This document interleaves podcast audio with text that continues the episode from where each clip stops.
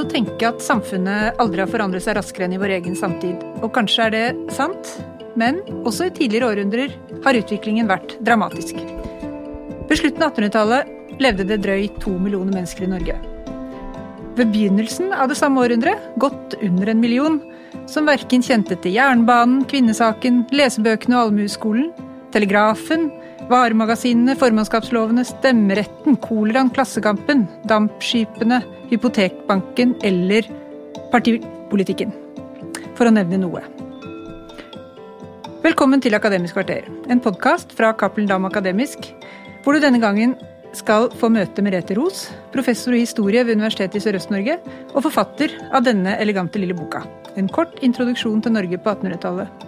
I samtale med meg, Hege Roll Hansen, også historiker, og kollega av Merete ved USN.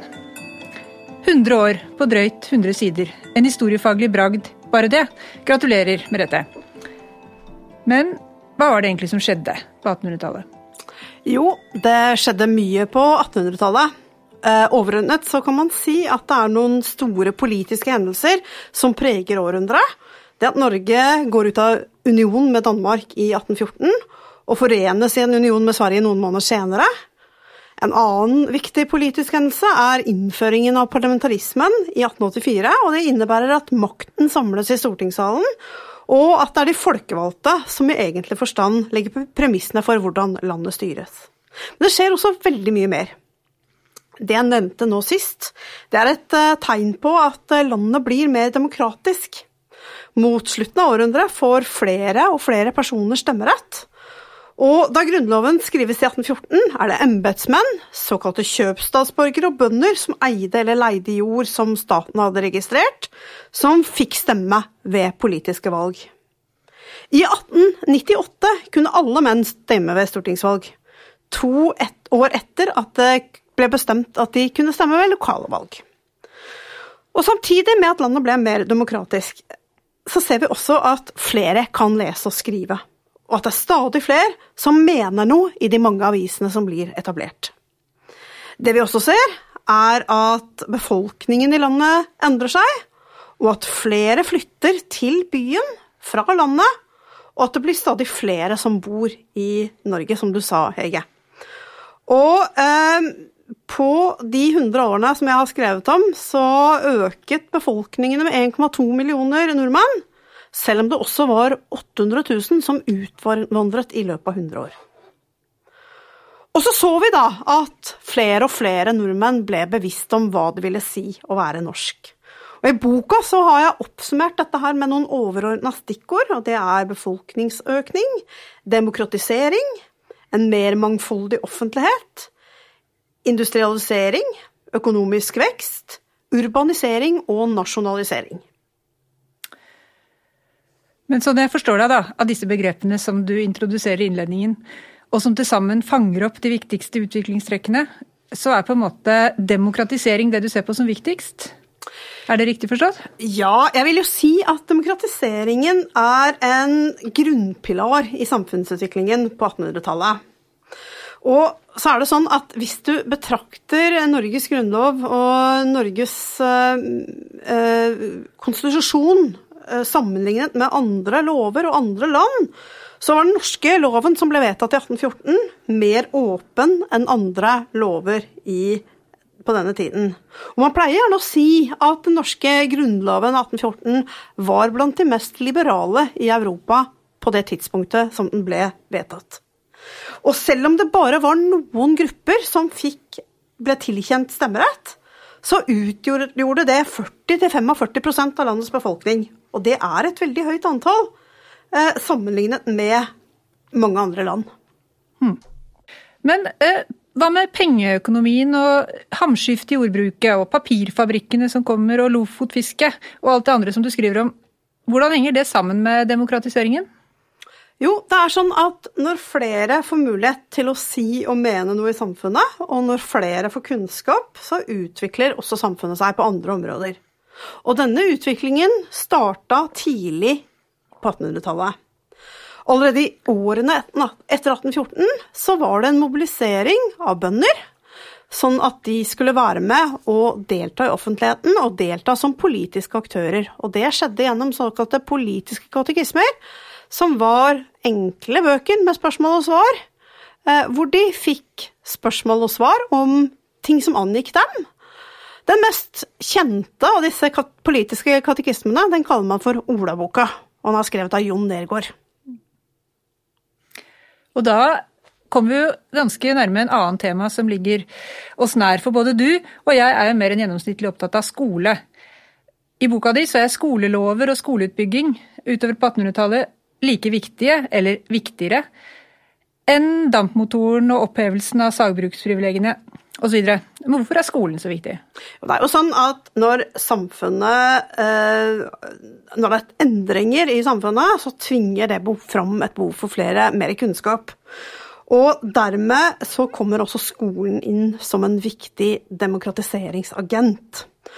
Og eh, skolen gir den kunnskapen som skal til for å gå ut og ta del i det samfunnet som vokser fram. Og i Norge så har vi to viktige skolelover på 1800-tallet. Vi har allmueskoleloven i 1860 og folkeskoleloven i 1889. Og med allmueskoleloven så ble det bl.a. bestemt at undervisningen skulle foregå i faste skolehus, og at man skulle få undervisning i historie, geografi og naturkunnskap. Med 1889-loven så var det folket som styrte skolen, og ikke kirka, sånn som det hadde vært tidligere. Og det er jo også en viktig demokratisering av samfunnet. Nettopp. Skolen som demokratiseringsagent. Ja, det er fint dannelse og utdannelse er på en måte viktig for en forutsetning for at man får samfunnsmedlemmer som kan delta i det demokratiet som fins. Det er viktig også for å skape kulturell enhet, er det sånn? Ja, det er det. Og i eh, utviklingen av denne felles eh, nasjonale identiteten, som er bygget på språklig og kulturelt fellesskap som skolen er med på å danne, annet, hva betydde det egentlig da for de betydelige gruppene som eh, levde innenfor landets grenser uten å dele dette fellesskapet? Var det vanskeligere å være kven same eller tater i 1900 enn det var 100 år tidligere, tror du? Ja, det, det må jeg jo egentlig si at det var. Fordi at eh, myndighetene ble jo stadig mer opptatt av at alle skulle være norske, også minoritetsgruppene i landet. Og det gikk flere ganger, dessverre, på bekostning av minoritetenes rettigheter. Et kjent eksempel på det, det er samene, som hadde hatt lovfestede rettigheter i Norge helt siden 1700-tallet. Og eh, hvordan de norske myndighetene ville gjøre samene norske, det ser vi særlig etter det såkalte Kautokeino-opprøret i 1852, for øvrig filmatisert for ikke så veldig mange år siden. I 1852 brøt det ut opptøyer i Kautokeino etter at mange samer hadde slutta seg til eh, presten Lars Levi Lestadius, for øvrig fra Sverige. Lestadius hadde bl.a. gått til angrep på prestestanden, og myndighetene oppfatta han dermed som en trussel. Han hadde også tatt eh, parti med den som sto nederst på samfunnets rangstige. Og for å få bukt med uroen, så hadde presten avsatt bygdas samiske lensmann, og erstatta han med en svensk landsmann, Lars Johan Bucht het han. Og dette førte til mye uro og store protester blant samene. Og uroen kulminerte en novemberdag i 1852, den 8. november. Og det ble opprør og voldelige slåsskamper, og Bucht og handelsmannen Karl Johan Roth ble drept av en gruppe samer. Og det førte til en ganske omfattende rettsprosess i 1854 ble 33 eh, samer tiltalt for Kautokeino-opprøret, og to av dem ble henrettet, og mange ble fengsla. Og fra to av de som ble fengsla, så har vi brever som er bevart i dag. Og de brevene forteller ganske mye om hvordan nordmenn behandla samene i tida før dette Kautokeino-opprøret. Men det gjorde jo egentlig bare vondt verre, fordi at eh, de norske myndighetene de stramma til. Og eh, blant annet så ble det å være samisk sett på som å være syk. Og På samme tid så hadde man også såkalte fanteforsøk. Og fantene, det var taterne. Og eh, fanteforsøkene de skulle tvinge taterne, eller fanter som de het da, til å leve som andre nordmenn. Sånn at denne nasjonale mobiliseringen hadde en bakside for de som ikke umiddelbart eh, passet inn i bildet av det norske.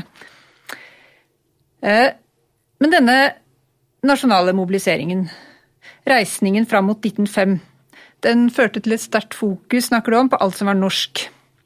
Og samtidig så rykket verden utenfor Norge stadig nærmere.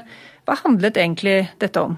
Jo, det handlet om at man ønsket å gjøre Norge selvstendig, både politisk og kulturell. Og å bevisstgjøre en egen norsk identitet. Vi ser det f.eks. gjennom språkutviklingen, og der det utvikles et nytt norsk skriftspråk fra 1850-tallet og fremover. Vi ser det i foreningslivet, der det f.eks. utvikles og etableres foreninger som vil ivareta norsk kultur. En av disse er f.eks. Norges ungdomslag, som blir viktig for å etablere en bevissthet om norsk identitet blant norske ungdommer. Og gjennom hele århundret etableres det også institusjoner som ivaretar norsk arv og norske tradisjoner. Riksarkivet f.eks. etableres allerede i 1818. Men det er klart at disse tiltakene, sånn som Riksarkivet og andre institusjoner, de forsterkes og blir flere og flere dess lenger mot slutten av århundret vi kommer. Nettopp. Og så kommer 1905, og Norge blir en selvstendig nasjon. Og dette er en historie vi kjenner godt, og vi har hørt mye om norgeshistorien på 1800-tallet. Det er en sentral del av vår nasjonale identitet i dag at vi eh, kjenner historien om eh, frigjøringen fra først Danmark og så Sverige. Men historikerne er jo ikke alltid helt enige om hvordan den historien skal fortelles. Vi har brukt mye tid, eller historikerne har brukt mye tid og mye energi på å diskutere med hverandre, forstå og fortolke prosessene på nytt og på nytt. Hva er det egentlig det? Hvorfor er de så uenige, historikerne? Jo, fordi at eh, de kommer til historien med forskjellig utgangspunkt. Det er eh, et, Hvis vi skal ta 1814 som eksempel, så er det noen som forstår historien, 1814-hendelsen, eh, i kontinuitet med det som hadde skjedd før. Og så er det noen som forstår det som et brudd. Sånn at 1814 på en måte initierer noe helt nytt. Sånn at eh, historikernes bagasje er avhengig av, eller spiller inn på, hvordan man tolker historien. Nettopp. Så historie er ikke bare én ting. Og historie og historiefortelling henger sammen med mye annet. Og kan fortelles på forskjellige måter. Ja. Vi kan kanskje la det være den siste refleksjonen her. Du har nå hørt en episode av Akademisk kvarter, en podkast fra Cappelen Dam Akademisk. Og boka som har snakket om her nå, eh, som heter En kort introduksjon til Norge på 1800-tallet, og som er skrevet av Merete Ros. Den er tilgjengelig i bokhandel og på nett.